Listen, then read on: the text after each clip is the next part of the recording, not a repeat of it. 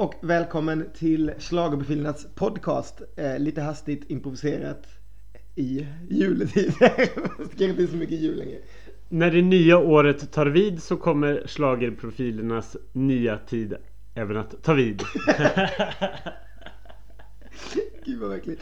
Ja, nej men eh, vi, vi tänkte väl försöka göra en liten kort nyårssammanfattning eh, av 2017 och kanske titta lite framåt på 2018. Vad detta år kan ha i sitt sköte. Japp, vi vill kolla i kristallkulan och sia om vad som komma skall. Men först så tänkte vi ta en liten eh, tillbakablick som sagt för att eh, gå igenom vad, vad var det som hände under slageråret 2017 egentligen? Precis, nu tänkte vi göra det genom att använda ett gäng med lappar som vi gjorde förra året också där det står lite saker på. Vi behöver kanske inte dra reglerna utan jag tänker vi kör. Ta en lapp. Jag fick lappen Årets landsplåga.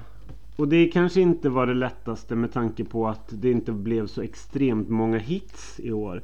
Men jag får väl ändå säga att eh, Var det Victoria som fick? Hon, hon toppade, är det Victoria eller är det Nano? Jag vet inte. Ja, jag bestämmer mig för Victoria i alla fall. För att jag tyckte att det kändes som det var folkets vinnare efter, efter Mellon i alla fall. Och den har gått bra på Spotify och den toppade ändå Spotify-listan veckan när det var final. Så att jag, jag tar nog Victorias låt i alla fall. Mm. As I lay me down. Ja. Okej, okay. årets överraskning. Uh jag, jag, tror väl kanske att det möjligtvis var att Loreen inte gick till final. Eller om man sätter det där på pappret. Eh, kanske inte så mycket då när det väl hände för då kändes det som att det kanske inte var helt självklart. Men tittar man på pappret och hur det såg ut innan så var det nog en ganska stor överraskning att, att det var Jon Henrik som flaxade vidare till final och som sen även blev trea. Jag tror inte riktigt det var tanken kan man säga. Så jag, jag säger väl Orén, Orén, Loreen eh, där på den. Årets skämt.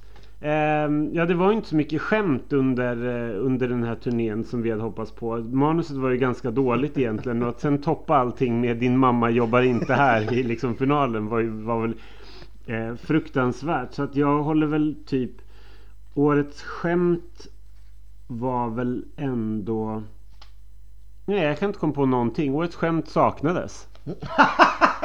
det var jättebra Okej, okay. Årets virala succé. Eh, ja, det var den... Det var lite svårt. Det, var, det, var, det saknades ju också. Det var ju inte direkt så att det kom någon sån här eh, rolig ny karaktär typ som när Sarah gjorde... Ehm, jag glömde bort vad kärringen heter. Ah, skitsamma. Men eh, alltså de där som sen som blev och likadant eh, förra året när Måns och Petra Peter gjorde Love Love Peace Peace som typ var sedd mer än eh, vad de där var. Det var ju inte riktigt varken i Ukraina eller här som någonting sånt hände. Så jag vet inte riktigt. Är det något som har gått sådär himla bra? För det var ju inte någon av låtarna i Eurovision heller kanske som gick sådär jäkla bra viralt eller? Var det inte? Nej. Nej, jag kan tänka mig. Ja men... Ja, men... Det var svårt. Um... Du får säga om de där bröderna som gör de där parodierna igen. oh, ja, usch. ja, nej. Uh, ja, okej okay då. Vad heter de? Vad heter de? Jag vet inte. Daniel någonting det är verkligen inte vår favorit. Schlagerprofilerna tycker inte om det där. Det där är pajaseri på hög nivå verkligen. Eh, årets roligaste fick jag. jag tar, då, men då tar jag på, på ett personligt plan eh, Euroclub i Ukraina. Där vi alltid hade jätteroligt. eh, och festade till sent varenda kväll. Vi, jag tror vi slutade upp där varenda kväll som vi var i Ukraina. Eh, ja, jag håller det som årets roligaste. Mm. Årets äntligen då? Eh, Portugal kanske. Det där stackars landet som har varit med i hur många år som helst och sen äntligen fick vinna. Och jag ser otroligt mycket fram emot att få åka till Portugal. Och jag tycker att de, allt man, man ser av deras planering verkar vara så här att de är på hugget. Det är så här tidigt ute med scen, tidigt ute med loggor och grejer och vart det ska vara och allting så här. Så det verkar som att det kan bli jättekul att åka till Lissabon. Så jag, äntligen för Portugal. Eh, årets nykomling fick jag och då, då tänker jag att då tar jag väl Nano då, då som var folkets eh, Som fick folkets högsta poäng till eh, i finalen Och som ändå fick en enorm eh, hit på Spotify och som vi kunde varit en kandidat som vi skickade till Lissabon som jag är, eller förlåt, till Kiev Men som jag är glad att vi inte skickade dit. Men jag tar Nano där. Jag fick årets kvinna. Uh Ehm, och då... Svårt att komma på någon i Mello egentligen, för det var ju mest herrar i toppen. Ehm, så, jag, jag tar Blanche då.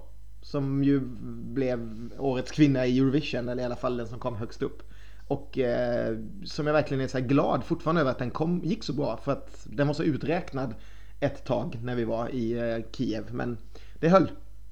Mm. Årets fest. Då tar jag eh, på ett personligt plan den, den första efterfesten eller vad man ska kalla det för på eh, den, det första turnéstoppet under Melodifestivalen. När vi satt på ett rum och dividerade om vad som skulle komma, komma att ske under de kommande veckorna på Melodifestivalen tillsammans några riktiga experter och kända melodifestivalsprofiler. Vi säger ingenting mer än så men vi, det var väldigt mycket vodka inblandat och vi hade väldigt, väldigt kul. det var nog enda gången som jag druckit vodka i dricksglas, lite som att det var vatten. Så, en härlig ah, Årets låt, det är ju alltid en rolig lapp. Um, ja, nej men, man, ja, men då får vi väl, jag får väl säga I can't go on. Det verkar väl dumt annat. Uh, eh, jag väljer Robins låt. Det, det är på något sätt när man man var inte, jag var inte 100% på det där när det vann i Mello, men sen när man väl är iväg då blir man liksom 100%. Man blir så himla Sverige och liksom, ja, det är ju någonting med, med hela den där grejen. Att man åker med sitt, sitt bidrag liksom. Äh, så jag, jag kör den även om jag nog inte har lyssnat på den en enda gång sen vi kom hem från Kiev. Men äh, ja, typ så. Årets förlust, då vill jag ju spontant säga Eh, eh, allting som hände i Kiev. För jag hatar ju den portugisiska låten totalt mycket. så förlusten blev för alla andra låtar som jag hade hellre velat se vinna. Men jag unnar Portugal vinsten så jag tänker inte säga det. Jag säger att årets förlust blev eh, för mig när Bello och Filippa åkte ut i den tredje semifinalen. Eh, och Ove jävla Törnqvist gick till final. Det var den fru mest fruktansvärda bildruta jag har sett sen jag kommer inte ihåg när. Sen vecka ett när, när Dina Now och Ace Wilder satt mot varandra. um, årets färg, det är också en kul lapp. Um, då tar jag Dinanas rosa hår. det var det jag kom på nu när du ändå pratade med det.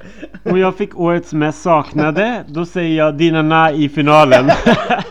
Nej men jag säger Årets som jag saknade är ju faktiskt eh, slagen. Jag, vill ha, jag tycker det fanns ingen slagelåt i år. Det närmsta vi kom var typ var, var typ Dinana-låten. Men jag skulle Ace. vilja ha en riktig bra Men jag vill ha en riktig dansbandsslager. En riktig så här klassisk Fame-slager. Jag vill ha det. Ge mig en slager. Och jag vill ha en tidsmaskin. Nej, um, årets hunk. Uh... Ja. Edin Yusuf Ramic. så saknad redan i 2008 års Vem ska jag springa efter? det kommer bli så tomt på efterfesterna. Gud, jag kommer få så mycket tid med Ken så att jag inte vet vad jag ska ta vägen under den här turnén. Eh, årets tråkigaste, och här vet jag att vi skiljer oss ganska mycket, men jag säger den bulgariska låten från Eurovision som kom två. Jag tycker den är svintråkig, han är tråkig och allt är bara snark. nu fick jag årets comeback. Um, det går ju knappast att säga Loreen och kanske inte Hasse Andersson som programledare heller. Vad är det mer för... Det var ju alldeles så här, årets comeback var typ en eller två för många. För att under Mello 2017 så var det ju bara folk som kom tillbaka hela tiden. Vilket gjorde att det var nästan helt omöjligt för oss att göra någonting för att man hade intervjuat alla året innan och ställt våra frågor och man visste allting redan om dem sen dess. Eh, så det var, det var verkligen en comeback för mycket och jag ser jättemycket fram emot 2018 att det är inte bara nya namn såklart men många nya namn som man inte har träffat innan. Det ska bli jättekul. Mm. Uh, jag fick Årets Artist. Uh, det är kanske lite svårt för jag, det finns inte någon som jag kanske skulle vilja sätta på den. Det finns väl ingen som har så utmärkt sig jätte, jättemycket. Mm. Nej, jag, tyckte att den, jag tycker att den är lite svår. Jag, jag säger väl... Jag säger, jag säger, det här låter jättekonstigt, men jag säger Anton Hagman. För att, inte för att det var, det var någonting speciellt med honom. Jag tycker han är en låt, helt okej låt och han var helt okej framträdande. Men på något sätt så blev han årets artist när han lyckades slå ut självaste Loreen. ja. Då fick årets par. Eh, och då tänker jag ta Francesco Gabbiani och hans apa. jag tyckte det var ett av de härligaste paren i Eurovision och fortfarande en fantastisk låt som borde vunnit om de bara hade skärpt sig lite italienarna och liksom inte bara slarvat bort det där. Ehm, så hade den nog kunnat vinna. Men ja, nej, de behöver kvala och sådär också. Hej hå. Jag tyckte det var ett orimligt val. Jag hade velat se dig välja Sara Varjo och Juha Mulari. Okej, då kommer vi till årets dummaste. Årets dummaste alla kategorier är att Charlotte Perrelli ställer sig på scenen och drar ett så här löjets skimmer över hela sin schlagerkarriär genom att ställa upp med den urbota dumma låten Mitt liv som är en tramslåt som, är, som känns som att det är skriven av en femåring och ställa sig och plinka på en gitarr som man precis har lärt sig spela på. Dessutom är en dräkt som ser ut att komma från liksom rymdimperiet slår tillbaka. Nej, det här är så dumt att hon ställde upp med den här låten. Löjets skimmer över Charlotte Perrelli efter det här. Fräng! ja, um, årets jobbigaste, nu tog du nästan den då. Nej men vilka väl, årets jobbigaste kan väl få säga eh, portugisen då. Han, det var, man, alltså så här, jag tycker att det var en helt rättvis seger. Jag tycker att han kunde väl fått sjunga den där låten han hade ju inte behövt hålla på och fåna sig hela tiden också i green room och eh, säga massa dumma saker som typ kräktes ner på hela tävlingen när han vann. Det går att vara lite ödmjukare i den stunden tycker jag. Eh, sen är det ju, har det varit lite synd om honom för han har ju typ nästan dött. Men nu lever han igen så nu kan man väl säga att han, eh, jag tyckte han var årets jobbigaste men eh, samtidigt en okej okay vinnare. mm. I min bok.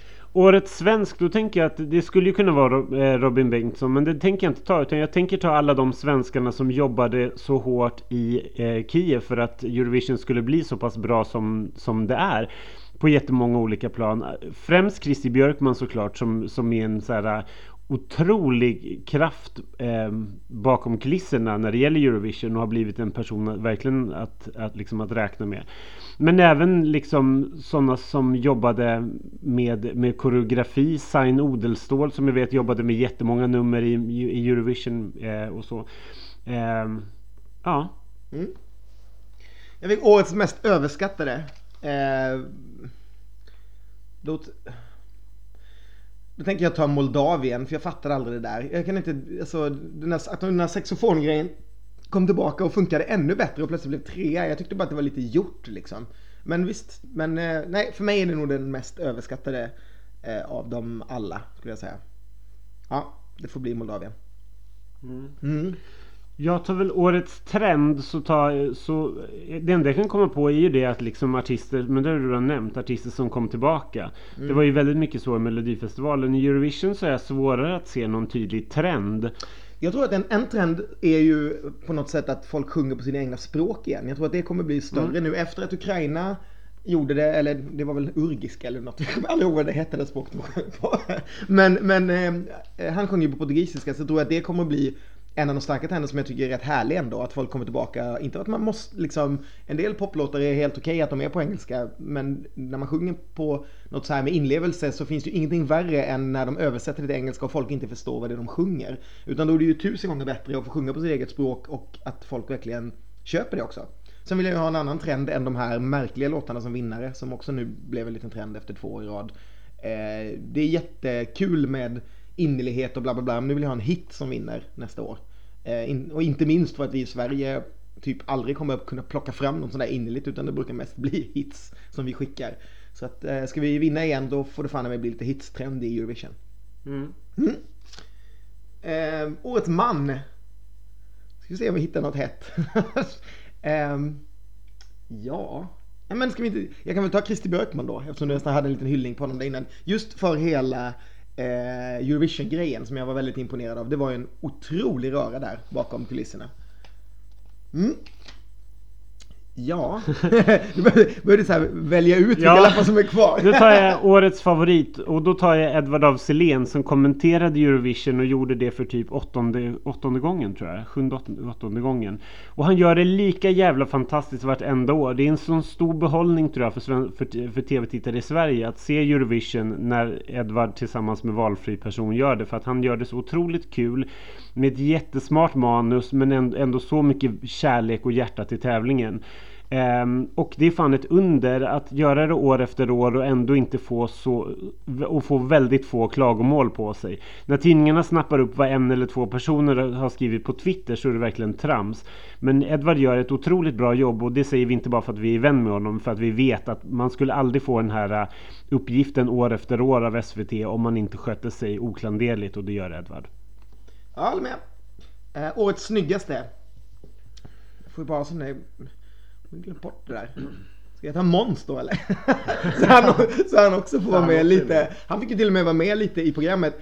Eh, och jag måste också en, ännu en gång lägga in en stor, stor eh, Eh, stort, stort hjärta till Måns för att det var ju han faktiskt som såg till att vi fick åka till Ukraina genom att dyka upp på en liten fest som vi, som vi fixade. Så att eh, årets snyggaste är lätt Måns eh, och dessutom dök han ju upp i programmet och var typ snyggare än alla de där tre ukrainska gubbarna tillsammans. Så eh, Måns får ta den där även om han inte var med och tävlade i år. Så. Eh, det var svårt. Jag, var, jag, tar årets besvikelse. Där tar jag eh, bra låtar som jag älskade innan i Eurovision som inte riktigt motsvarar förväntningarna på scen. Eller så tyckte folk inte om dem när de väl kom eh, till, på plats. Jag älskar ju den isländska låten eh, med Svala. Tycker jag var jättebra. Det är ledsen att folk inte eh, köpte den grejen. Jag älskade ju Verona. Den föll ju helt platt. Men med det framträdandet så kanske man inte skulle kunna förvänta sig så mycket mer. Eh, men de två låtarna har i alla fall fortsatt leva i min eh, i mina lurar efter, efter Eurovision slut. Men det var en besvikelse att de inte gick till final tycker jag. Mm. Årets mest underskattade? Ja, det borde ju varit någon av dem där i så som inte kom med. Vad, vad hade jag för några sådana?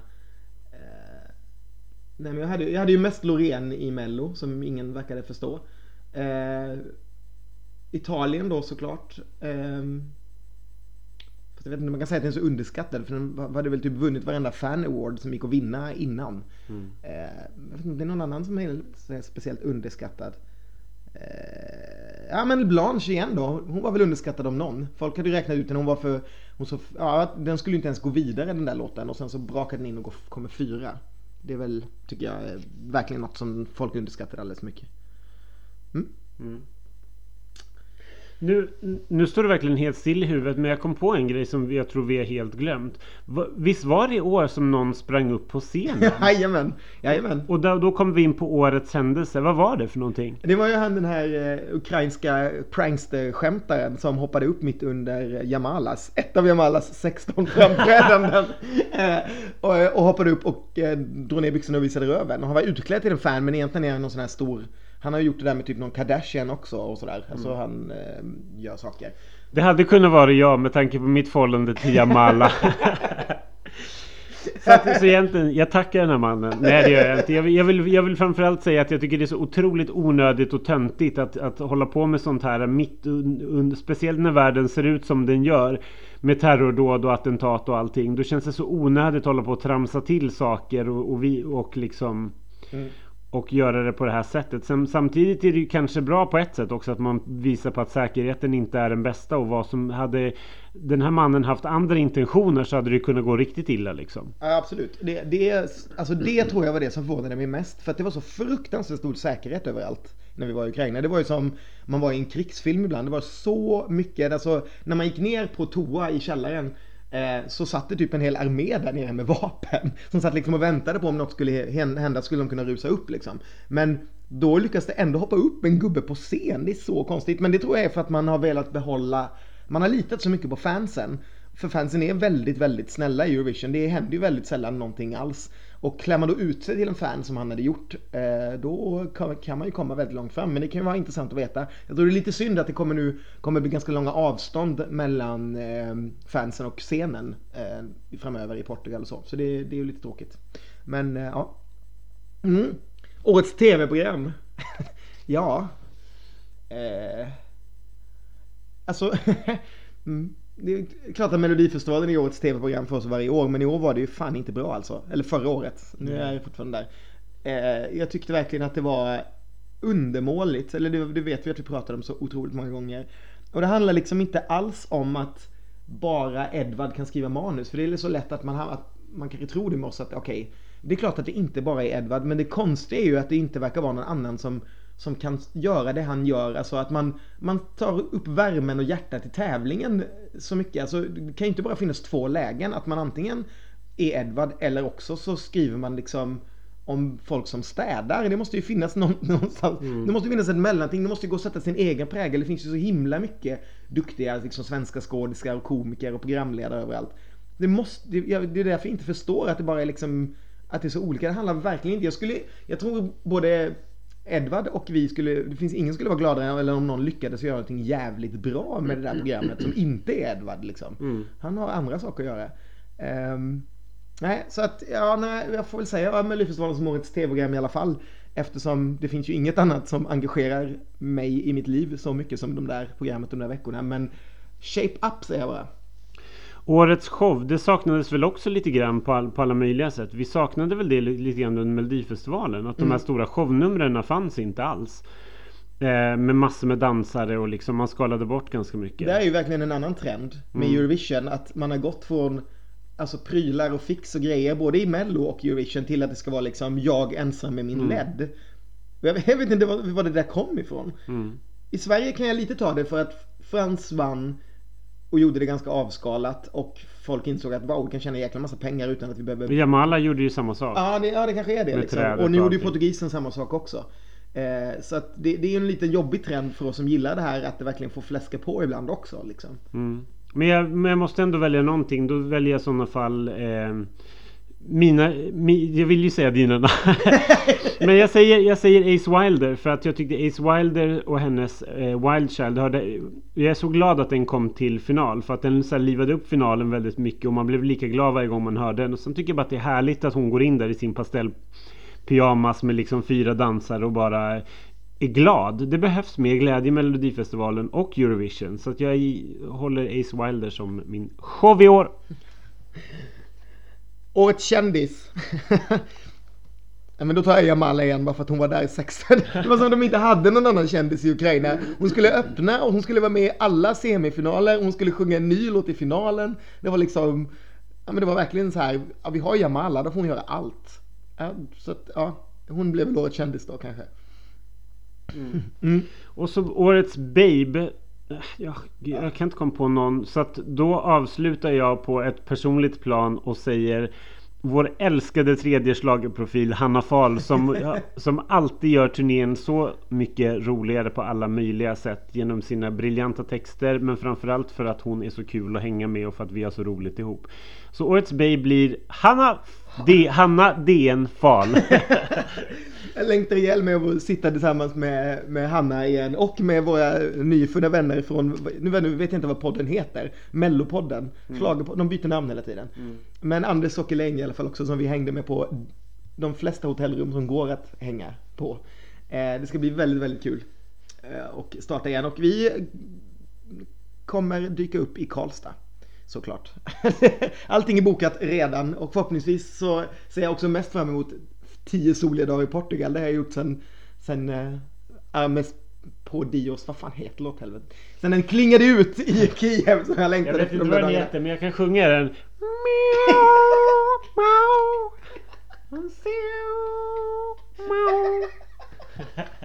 det, är, det, är som, det kan vara Aristocats. Det kan, det kan vara Portugal. Portugal. Ska vi blicka framåt då? Ja, nu ska vi blicka framåt. Uh, utan, att bli för, utan att bli för långrandiga för det här kommer ju bråka om eller bråka om och diskutera i veckor framöver. Men vi kan väl, vi kan väl liksom så här, hur känns det nu när vi är eh, lite närmare? närmare? Jag, är, jag, har, jag, är vid, jag, har, um, jag är vid gott mod höll jag på att säga. Jag, jag tycker det ska bli kul som jag sa lite innan att det är mycket nya namn både på låtskrivarsidan och eh, i startfältet. Um, jag kan nog om om det finns hits där, vilket jag hoppas det gör, jag hoppas det finns flera hits än förra året, så kan jag ta det här med att det är lite mera crazy artister eh, med också. Alltså, jag hatar Edward Blom, ska jag säga, rent personligt. Jag bara tycker att han är jättejobbig som karaktär. Eh, och jag känner inte honom så jag kan inte säga som person. Men, men jag tycker att det är helt okej okay att det finns sånt så länge det finns bra låtar med bra artister också. Jag tycker att det finns chans Eh, när jag tittar på pappret så kan det vara det. Jag är ju till exempel superspänd på eh, Leamo som jag tyckte var en jättekul idolvinnare förra året. Jag är lite pepp på Ida Redig, Dotter som vi träffade förra året tillsammans med Gerson och gänget. Ska bli jättejättekul att se. Mariette älskar jag alltid. Eh, det finns mycket roligt där. Jessica Andersson, allting handlar bara om Jessica Andersson i år. Ingenting annat är viktigt. Deltävling 3, Jessica Andersson. Vi, ni, ni förstår redan hur det här kommer att bli när Jessica blir femma i Malmö. Oj, oj, oj. Eh, vi har varit med om det här så många gånger. Men eh, jag ser också jättemycket fram emot Jessica såklart. Eh, nej men jag tycker, det, jag, tycker det, jag tror att det kan bli jätte, jättekul. Jag är men men ut, utan att säga för mycket så kan, så kan väl i alla fall jag säga som Ingen av oss har suttit i juryn även om för jurynamnen är fortfarande inte ute vilket nej, jag tycker är lite inte. konstigt att det inte släppt. Men det kan vi säga. Vi kan, vi kan komma ut med att ingen av oss har suttit i juryn i alla fall. Men jag ska, jag ska ändå säga det att eh, på pappret så ser året inte så kul ut men det är betydligt bättre än så kan jag säga. det, det, det, kan jag säga. ja, det kan du säga. Det var en härlig liten cliffhanger. Ja. Att, eh, ja, men man kan väl säga att du har hört lite låtar. Ja, det kan ja, man säga. Det kan man säga. Och eh, jag litar på dig så det kan man säga att, men jag, jag tyckte faktiskt redan innan eh, du berättade att det faktiskt var ett, ett bra år. Så eh, tycker jag på pappret att det ser väldigt kul ut och det ska bli väldigt spännande. Och nu är jag ännu mera pepp eh, efter att ha hört dig eh, berätta om det här. Så att jag, det ska bli jätteroligt att åka iväg i år tycker jag. Mm. Mm. också, också med försiktighet väldigt, väldigt spänd på det. Och jag till skillnad från många andra har inte så mycket emot att David Lindgren ska leda det här. Jag tycker att det känns, det känns helt okej. Okay. Jag, jag, ser inte, alltså det är inte så att det går att se fram emot programmet. Men jag ser hellre en programledare än tre stycken. För det tycker jag blir för spretigt. Och sen så tycker jag ändå så här, han skötte sig bra förra året. Det är helt lugnt att han gör det. Det är klart att det finns tusen mycket roligare namn som ska leda, kan leda Sveriges största tv-program. Men i slutändan så är jag helt fine med att, att David leder det för att jag tror att folk, svenska folket kommer tycka att så här, det här var trevligt i alla fall. Mm.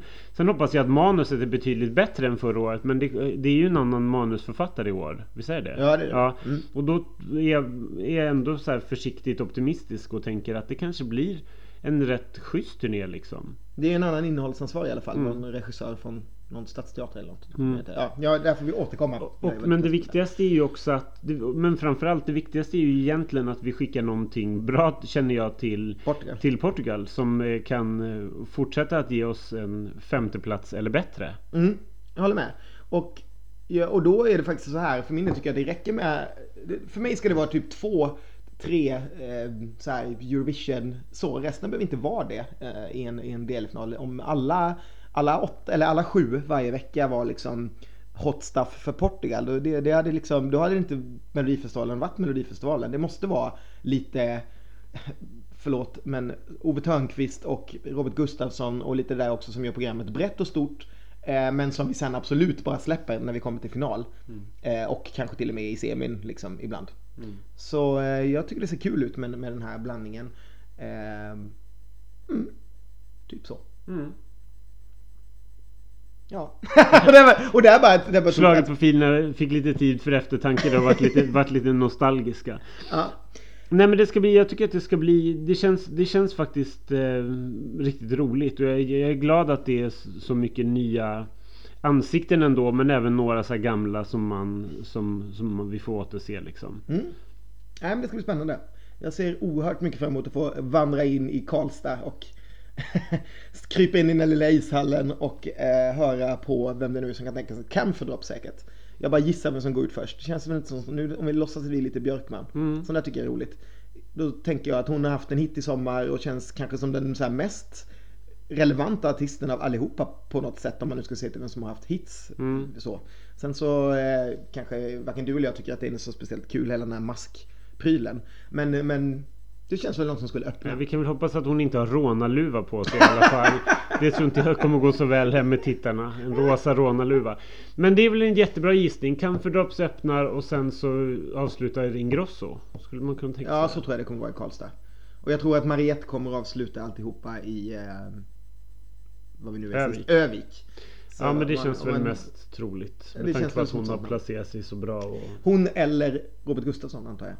Som ju också, den trenden har ju, har ju Christer börjat med i finalen. Det har ju varit liksom Hasse och Ove och sådär som har gått ut sist. Så det skulle ju kunna vara så att det, det bredaste namnet går ut sist också. Det vet man inte. Precis, ja, men det är väl en, det är väl en rimlig gissning liksom. Mm. Yes, nej men en halvtimme exakt. Ska vi nöja oss med det kanske? Ja, vi nöjer oss med det och vi tackar för eh, 2017 på alla möjliga sätt det har vi gjort tidigare. Mm. Men vi välkomnar er här med välkomna till Schlagerprofilernas schlagersäsong 2018 som nu är officiellt invigd! Nej, jag skulle, skulle, jag skulle låtsas öppna en champagneflaska. Det var Ken som sköt en pingpongboll ur. Om det inte vore så att, jag, att vi fortfarande att vi drack upp all champagne i hela Sverige på nyårsafton så hade vi kunnat korka upp en flaska nu. Men nu får det vara nog. Och eh, vi hörs jättesnart, lovar jag. Det gör vi. Ha det gott! Chip chop! Hej då!